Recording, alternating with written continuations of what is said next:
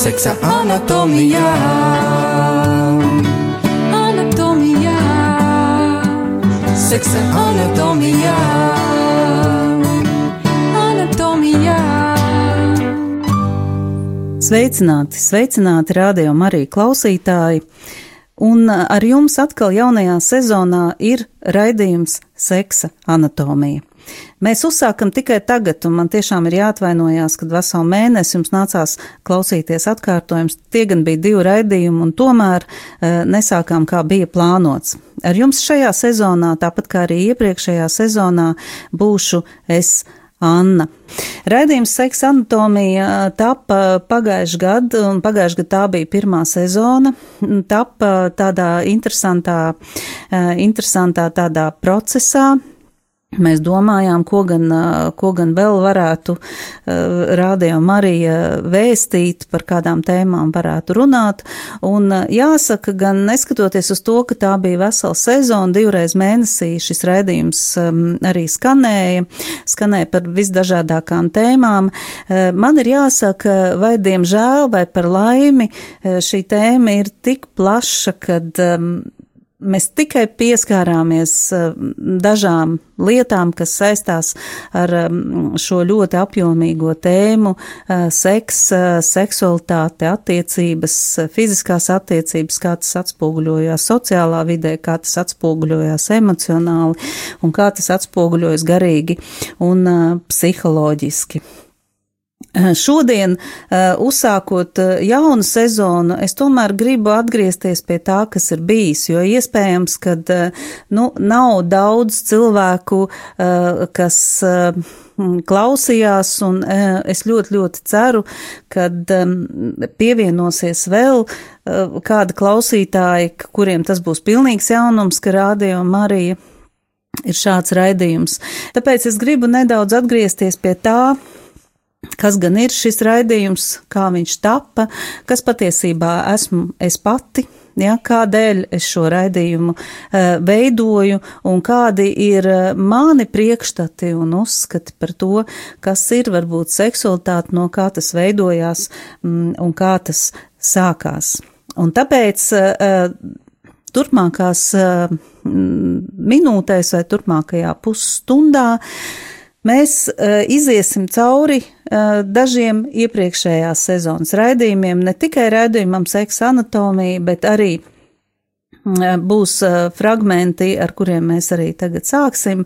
Būs fragmenti no priestera katehēzes, no tās katehēzes, kurā es piedalījos.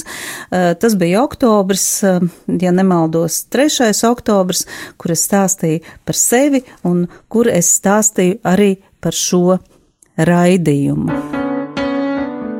Raidījuma nosaukums gan ir uh, seksa anatomija, un uh, te mēs varam izšķirt par to, ko, ko tad mēs īsti runājam par seksualitāti, vai par seksu, vai to saistību, vai cilvēku attiecībām šajā dzīvē. Tēma jau ir uh, patiesībā ļoti nopietna, ļoti dziļa un ļoti maz apspriesta mūsdienās tieši varbūt tādās baznīcas, baznīcas aprindās. Jo kāds varbūt tieši otrā teiks, ka par to šodien tik daudz runā un rāda, ka priekš kam vēl, vēl baznīcai tagad par to. Nu, baznīcai es domāju, ka drusciņ cits viedoklis atšķirībā no, no tā viedokļa, ko šodien pauž pasaulē masu mēdījos. Tas tāds patērētāja sabiedrības, patērētāja sabiedrības varbūt tāds pat nezinu, kā, kā īsti to formulēt, tāda nostāja par to, kā tad īstenībā mūsdienās šo seksualitāti vai seksu būtu jāizmanto. Nu, um, mūsdienās uh, bieži vien tas tiek izmantots uh, ārkārtīgi ārkārtīgi sautīgi. Tā tad lieta, eh, ko mēs eh, varam dāvāt otram cilvēkam vai ko varam sevi attīstīt, eh, tiek pasniegta kā tāda lieta vai manta. Nu, tad, tad arī šis jautājums tad arī ir, vai baznīcai, baznīca domā tieši tāpat, vai baznīcai ir cits viedoklis par to.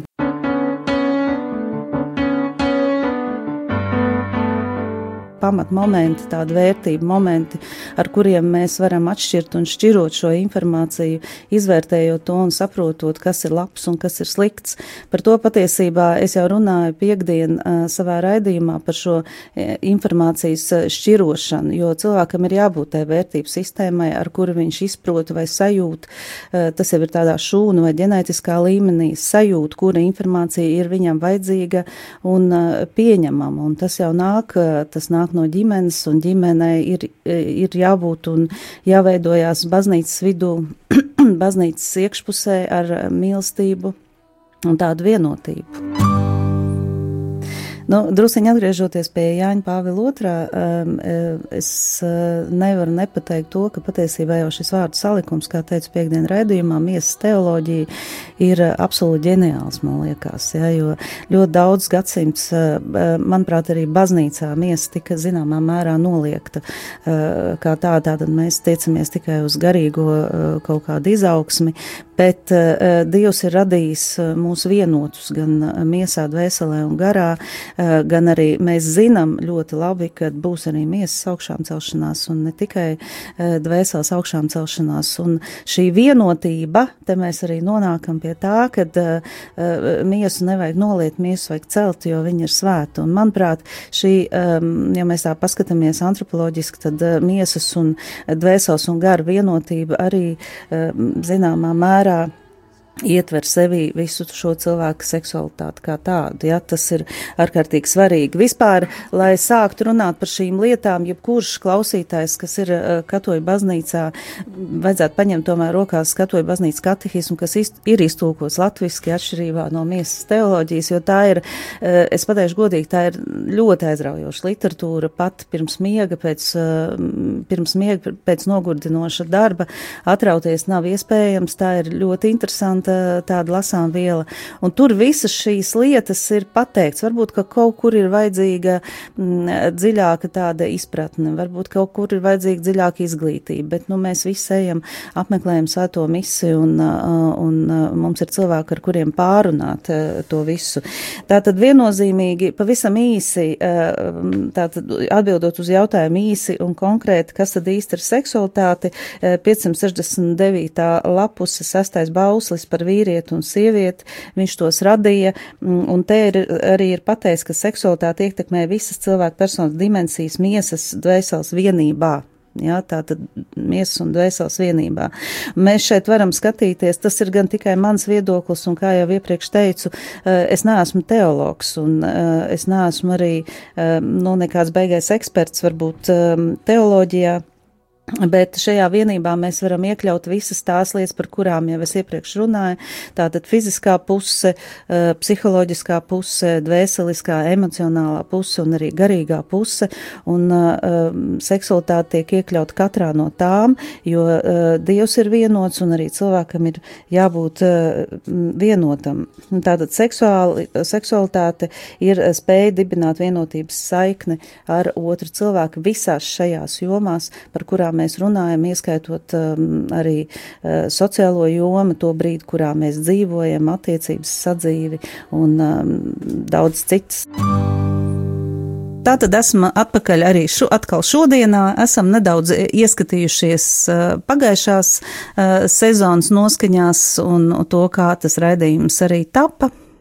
Eh, par ko ir šis raidījums, par ko būs tas raidījums. Eh, pieskārāmies arī eh, miesas teoloģijai. Patiesībā jāsaka gan, ka arī šajā sezonā tieši Jāņa Pāvila otrā miesas teoloģija būs viena no tādām galvenajiem aspektiem, galvenajām tēmām, par ko man gribētos tomēr runāt. Nu, pagājušajā sezonā tie bija tikai divi raidījumi un varbūt trešais raidījums kas bija ar, um, par mīlestību un atbildību, tātad par miesas teoloģiju, ja jūs gribat vairāk dzirdēt, jūs varat noklausīties divus raidījumus, kas bija ar uh, priesteri Paulu Kļaviņu un uh, par mīlestību un atbildību uh, raidījumā stāstīja Dainis Stikuts arī ļoti interesants raidījums. Tātad par šiem svarīgiem dokumentiem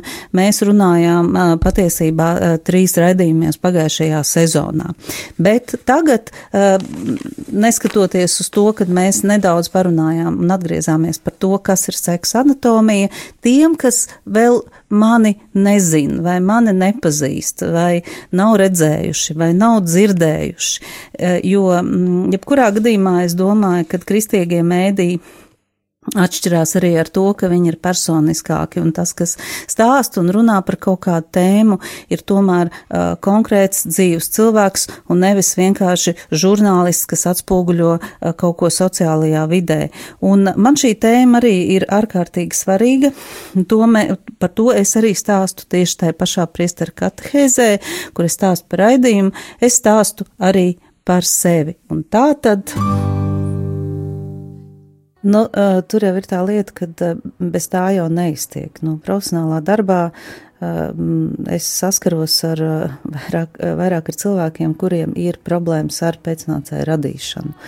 Um, nu, uh, atkal mēs visi varam atvērt mājaslapu auglī.lv un bišķiņ palasīt tur pa manu profesionālo darbu, tāda neliela uh, reklāma, tā varētu teikt, bet es domāju, ka ir jāpiemina vairāk nevis tas, ko es daru, bet tā, kā tas sākās, jo tieši tas sākās kaut kāds desmit gadus, ja nemaldos atpakaļ, kad uh, es pilnīgi netīšām kustībā par dzīvību, paldies tiem cilvēkiem, īpaši Diānai Feldmanai, kas man mani uzaicināja toreiz uz tiem kursiem, es nonācu pie, pie fantastiska lektora Gaļinas Masliņikovs, ka, kas šodien jau vairs nav starp mums. Un, jā, pavisam nesen devās mūžībā. Jā, un man ir ļoti žēl, ka es vēl pēdējo reizi nepaspēju pateikt viņai paldies par to, ka faktiski toreiz tā mana, varētu teikt, kā es to saku, ģenētiskā informācija ir, bija izmainīta kaut kā pilnīgi dažās dienās. Eh, tas arī, tas arī mainīja radikāli manu dzīvi, un es sāku mācīties medicīnu un tātad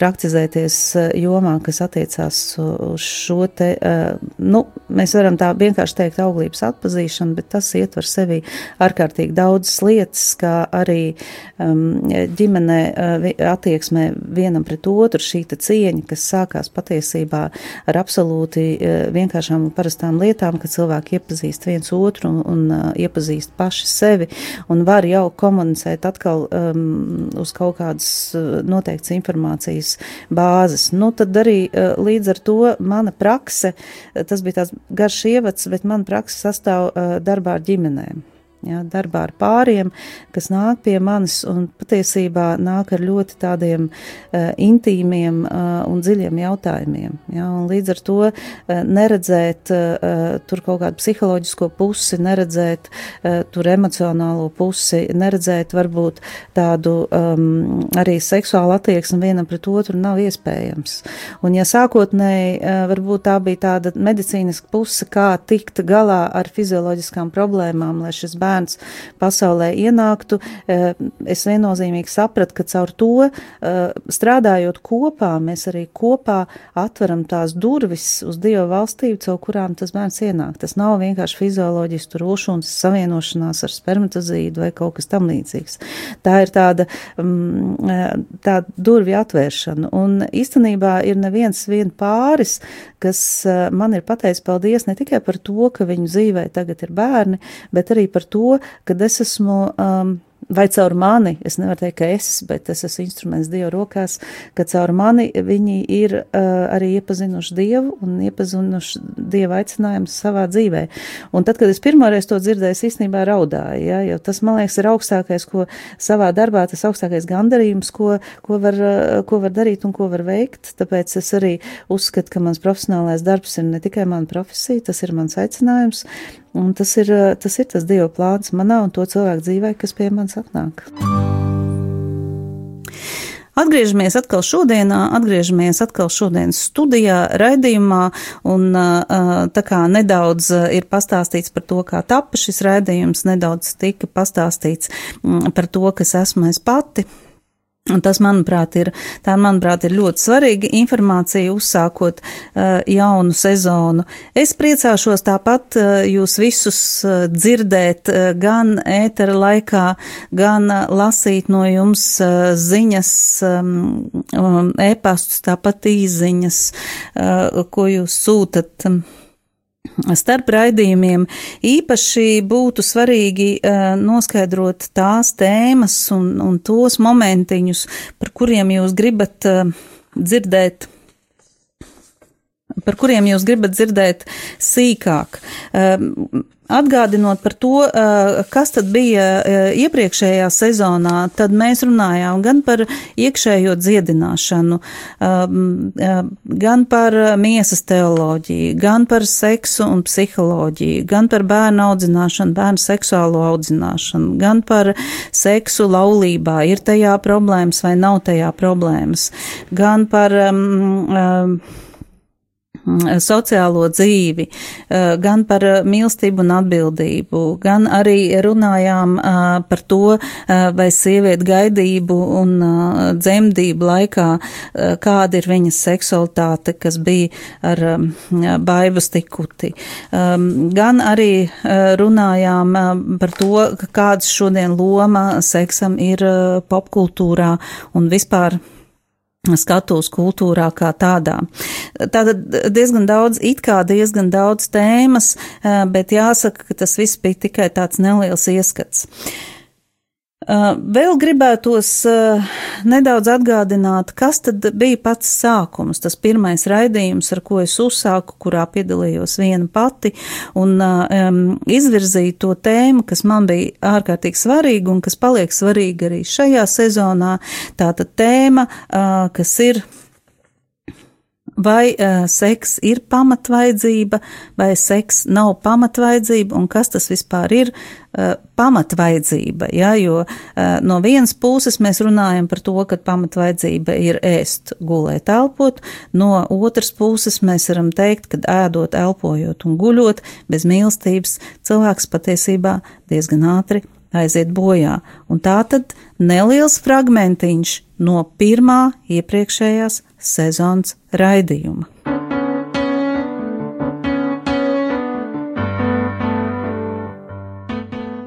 Raidījuma ideja eh, radās eh, patiesībā ļoti spontāni un um, jau kaut kādu laiku atpakaļ pavasarī, kad runājot par to, kādas tēmas rādījuma arī vēl varētu um, atvērt un par ko varētu runāt, kā izglītot uh, kristiešus un kā izglītot um, katoļu baznīcas. Uh, pārstāvis, mēs nonācām pie tā, kad, um, kad ir tādas tēmas, par kurām nerunā.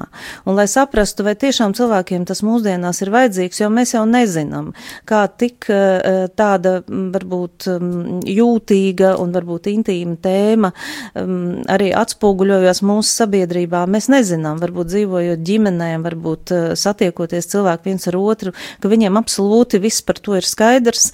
Um, izveidojām nelielu aptauju internetā, un tie, kas piedalījās, es ļoti ceru, ka daļa no jums ir arī šodien uh, otru pus, uh, otru pus tā tad varētu teikt, arī spoguli, mēs viens otru neredzam, tas nav uh, televīzijas raidījums, un tas nav arī kaut kāds interneta, um, interneta lekcija, kad uh, daļa no tiem, kas šajā pētījumā piedalījās, arī ir otrā pusē. Pētījums bija tiešām ļoti interesants, un es uh, uzzināju ārkārtīgi daudz daudzas lietas, uzzināja par to, kas jūs interesē, kas jums sāp, par ko jūs gribētu zināt.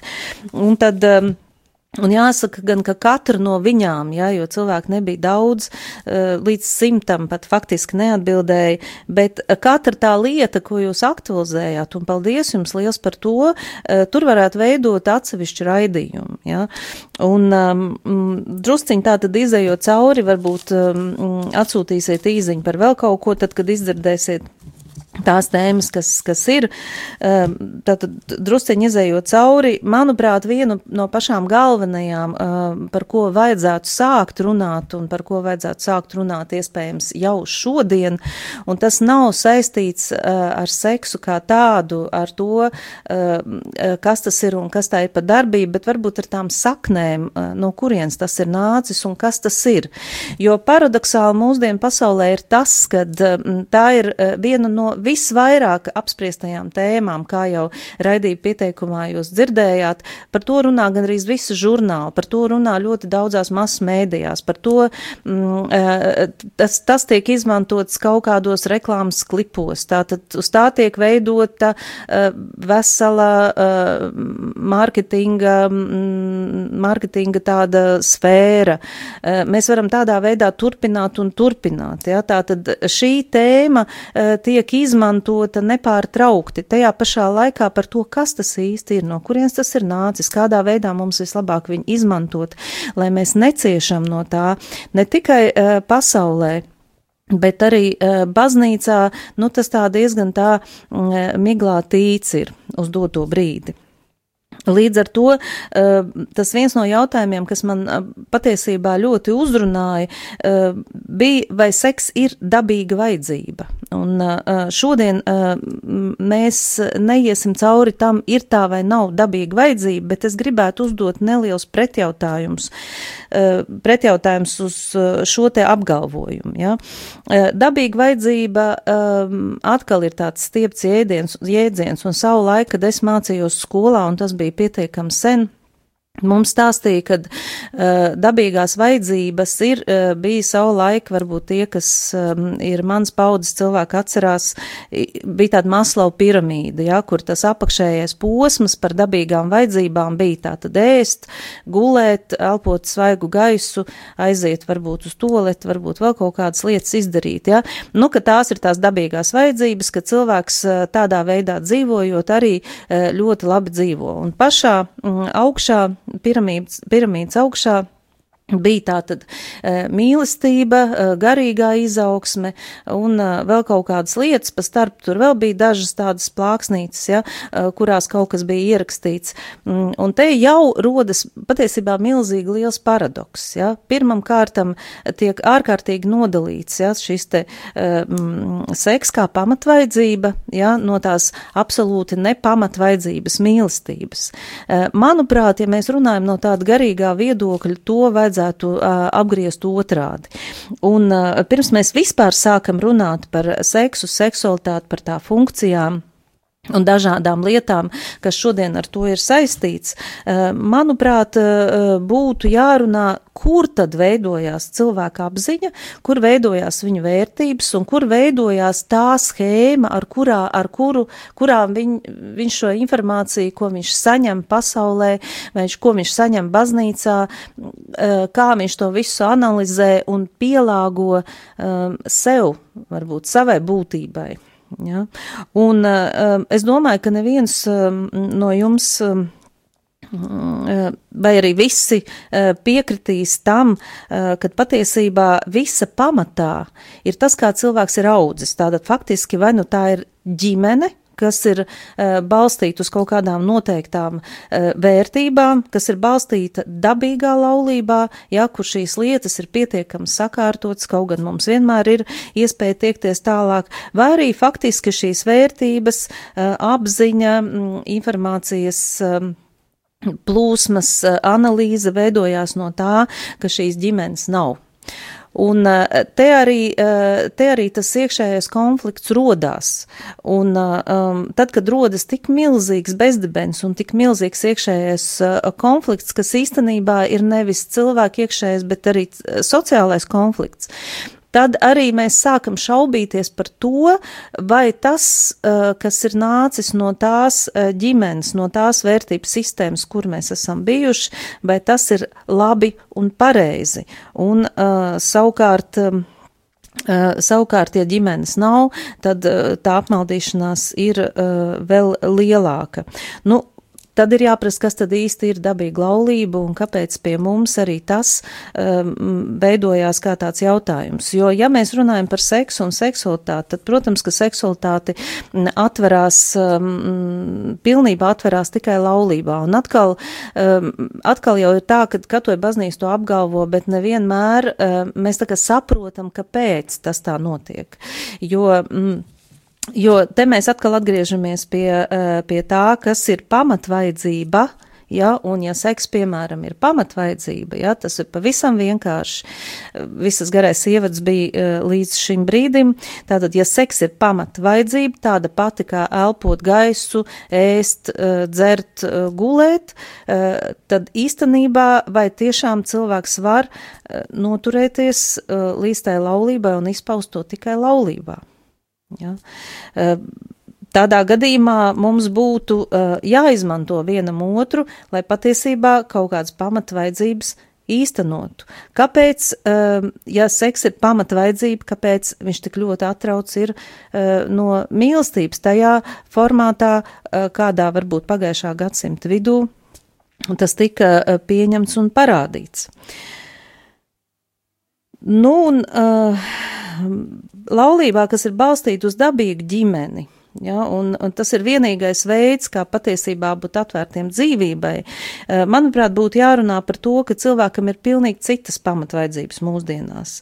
Jo, ja iedomājieties, ja jūs ieliek uh, tumšā uh, istabā, jums iedot ēst, jums ir svaigs gaiss, jums iedot dzert uh, un patiesībā arī ļauj um, um, izmantot to pamatvajadzību, ko mēs saucam par uh, seksu, vai jūs tādā veidā gribat dzīvot un izdzīvot.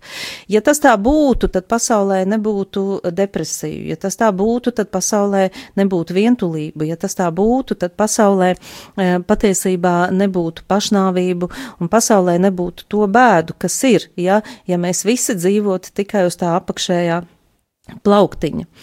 Bet es domāju, ka mēs varam iziet cauri kaut kādām noteiktām tēzēm un piekritīsiet vai nepiekritīsiet. Par to jūs varat padomāt un dot ziņu vai šobrīd vai nākamajā reizē. Kas man liekas ir tās pamatvaidzības cilvēkam? Tātad pamatvaidzības cilvēkam pirmam kārtam, manuprāt, ir pirmā pamatvajadzība ir drošība. Drošība absolūti visās dzīves jomās. Tātad drošība fiziskā, drošība emocionālā, drošība psiholoģiskā. Un pie fiziskās drošības viennozīmīgi piedara tas, vai otrs cilvēks mani tikai izmanto, vai viņš patiešām grib man sevi dot. Te mēs varam skatīties tiešām visas dzīves jomas. Tāpat arī pamatvajadzība ir tā, ka cilvēkam ir nepieciešams mīlēt un garīgā, eh, cilvēkam ir nepieciešama šī garīgā izaugsme. Jo, ja mēs skatāmies tikai no tā viedokļa, ka mīlestība ir kaut kur tālu, tālu augšā, ja, pēc tās apakšas, ja, un tas ir tikai kaut kādiem izradzētajiem, nu, tad eh, mēs virzamies tikai un vienīgi uz nāvis mm, nu, tādu tā kā um, nāves mentalitāti mūsdienās. Līdz ar to cilvēkam ir nepieciešama mīlestība, cilvēkam ir nepieciešama otra cilvēka tuvība, arī fiziska tuvība, bet mīlestībā, pieņemšanā un drošībā. Un tikai tad tā pamatvajadzība var būt pilnīgi izdzīvot, ja tā vispār ir pamatvajadzība. Šeit var ļoti interesanti skatīties uz pamatvajadzību arī no tā viedokļa, no fizioloģiskā viedokļa, jo uh, tai sfērai, tai uh, orgānu sistēmai, reproduktīvai jomai, uh, tas, par ko mēs runājam, tas, uh, um, ar ko ir saistīta šī tēma šodien, patiesībā nav tik daudz fizioloģiska, kā vairāk ir sociāla uh, nozīme uh, vai sociāla funkcija. Ja? Jo, ja jums, piemēram, šo, um, šo daļu no organisma uh, izgriež, ja, pilnībā ārā, padomājiet paši, vienkārši aizveriet acis un stādieties priekšā šo situāciju. Ja tas notiek, vai jūs nomirsiet? Vai jūs uh, saslimsiet? Vai jūs nevarēsiet dzīvot? Vai jūs būsiet invalīds? Kopumā mīlestības, eh, eh, mīlestību, drošību un, eh, un arī tādu uh, varbūt otra cilvēka novērtējumu. Mēs varam izdzīvot arī bez šīs sfēras, fizioloģiskās sfēras savā dzīvē. Bet, ja mums noņem šo vajadzību dot vienam otru, ja mums noņem drošības sajūtu, ja, bet atstāja tikai un vienīgi fizioloģisko funkciju, vai šī dzīve ir pietiekami pilnvērtīga? Tāpēc tas jautājums par pamatvajadzību, es viņu pat neatšifrēšu. Ja? Tas ir jautājums jums, tas ir jautājums mums, tas ir jautājums visiem kopā.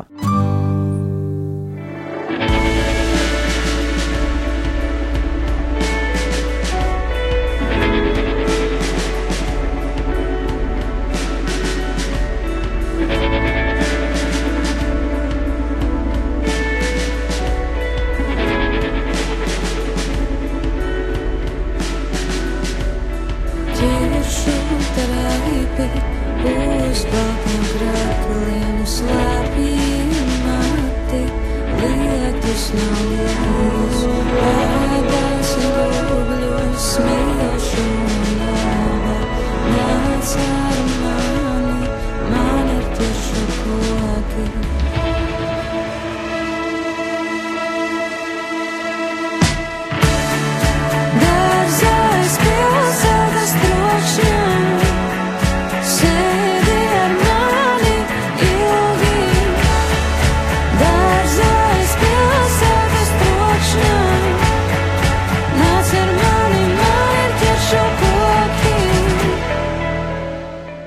Esam atpakaļ arī atkal uh, šodienā, esam atpakaļ atkal studijā, un uh, atkal esam uzdevuši paši sev, un esmu uzdevusi jums jautājums par to, uh, kas tad īstenībā ir mūsu raidījuma tēma - seks, seksualitāti, seksa anatomija, pamatvajadzība.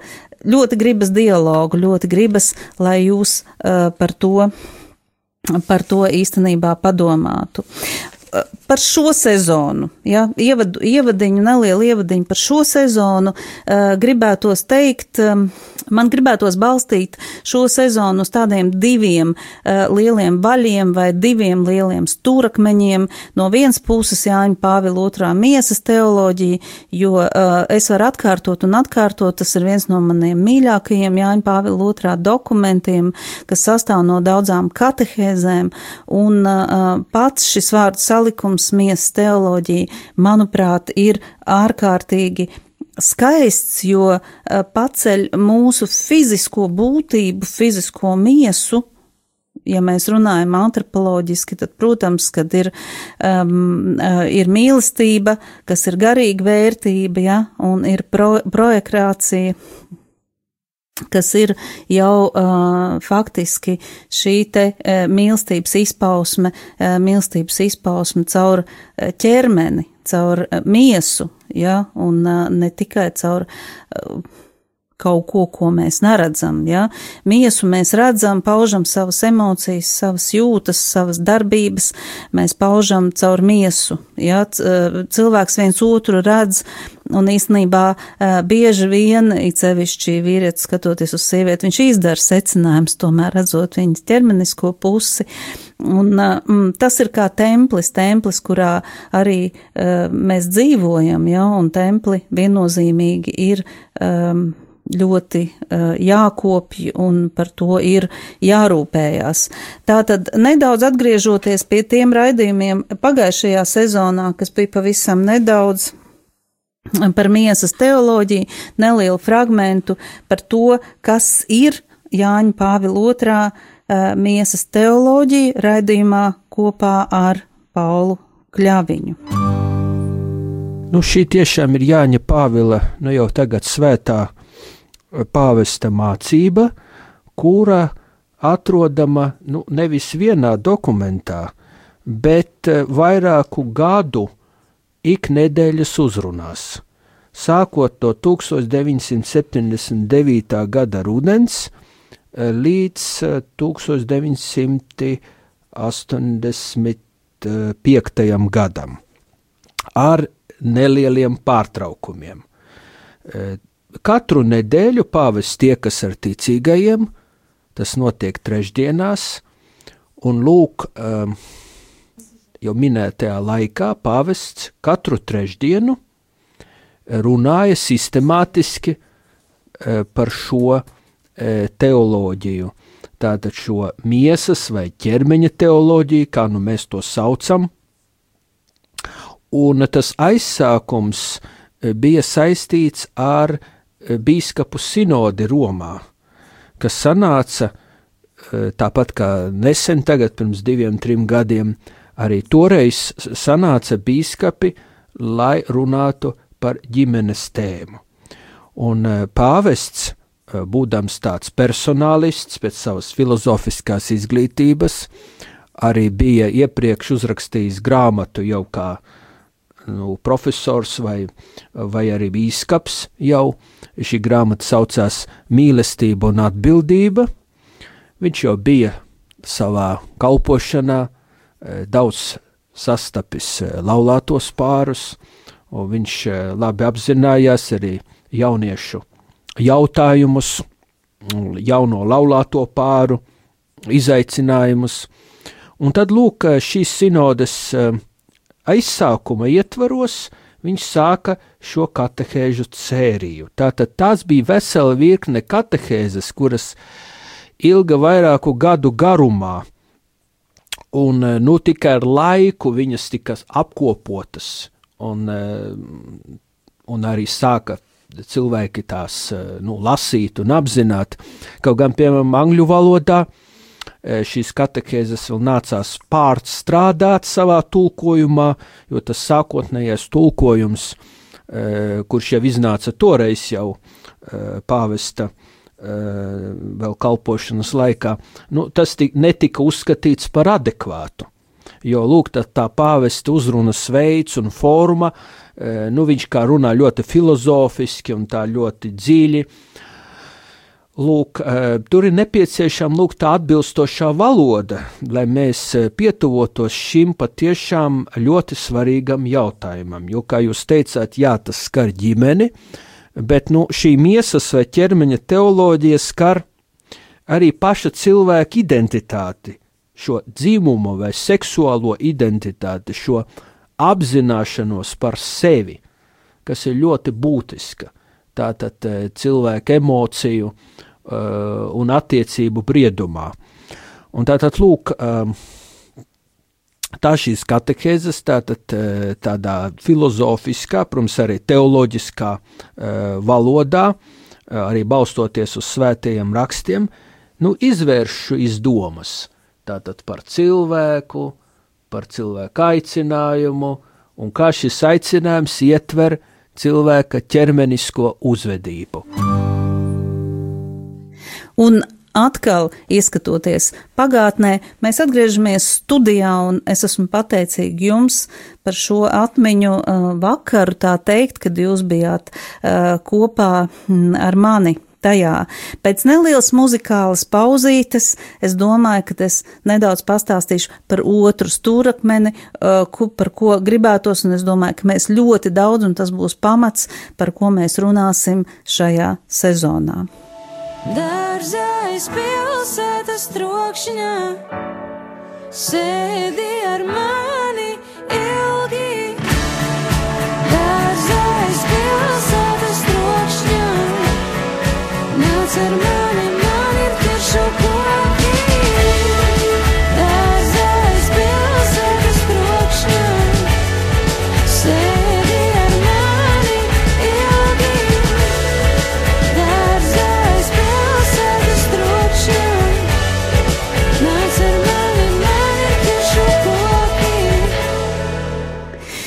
Otra lieta, par ko mēs noteikti runāsim šajā sezonā, eh, būs bioētika. Tas varbūt daudziem ir um, diezgan tāds svešs termins, bet kas tad īstenībā ir eh, bioētika? Jā, ja mēs tā paskatāmies, tad bioētika ir cilvēka rīcības apraksts un novērtējums veselības un dzīvības aizsardzības jomās. Un ārkārtīgi daudzas jomas, ir bioētikas redzes laukā, kas ir saistīts tieši ar seksualitāti. Pirmam kārtām tā ir kontracepciju, un mēs šeit runājam, un arī pagājušā sezonā nedaudz runājām par kontraceptīvo mentalitāti, kā tas vispār sagrauj seksualitāti, identitāti, cilvēku būtību, eh, ģimeni, attiecības un tā tālāk. Tālāk ir aborts, kas viennozīmīgi arī ir bioētikas skatu lokā un arī ļoti ciešā veidā saistīts ar um, seksualitāti.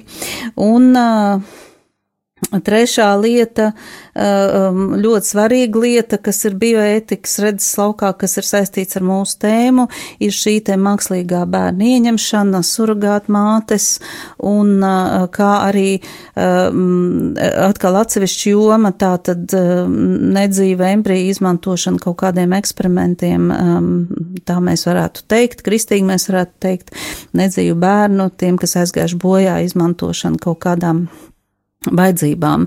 Tie dati, kā tas tiek darīts, ir patiesībā diezgan briesmīgi.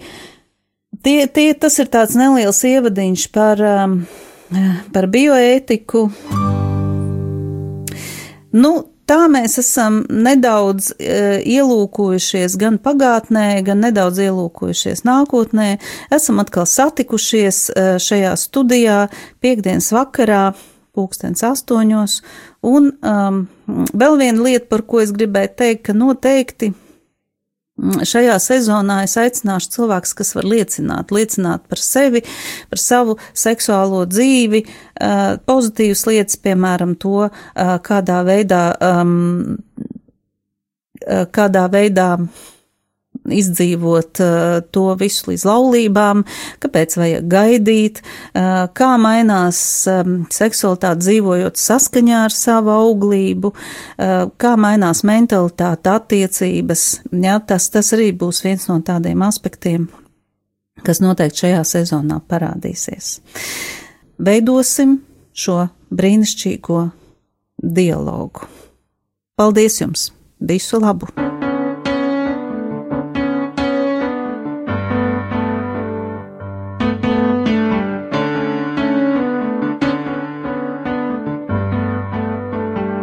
Seksa anatomijā. Anatomijā, Seksa anatomijā.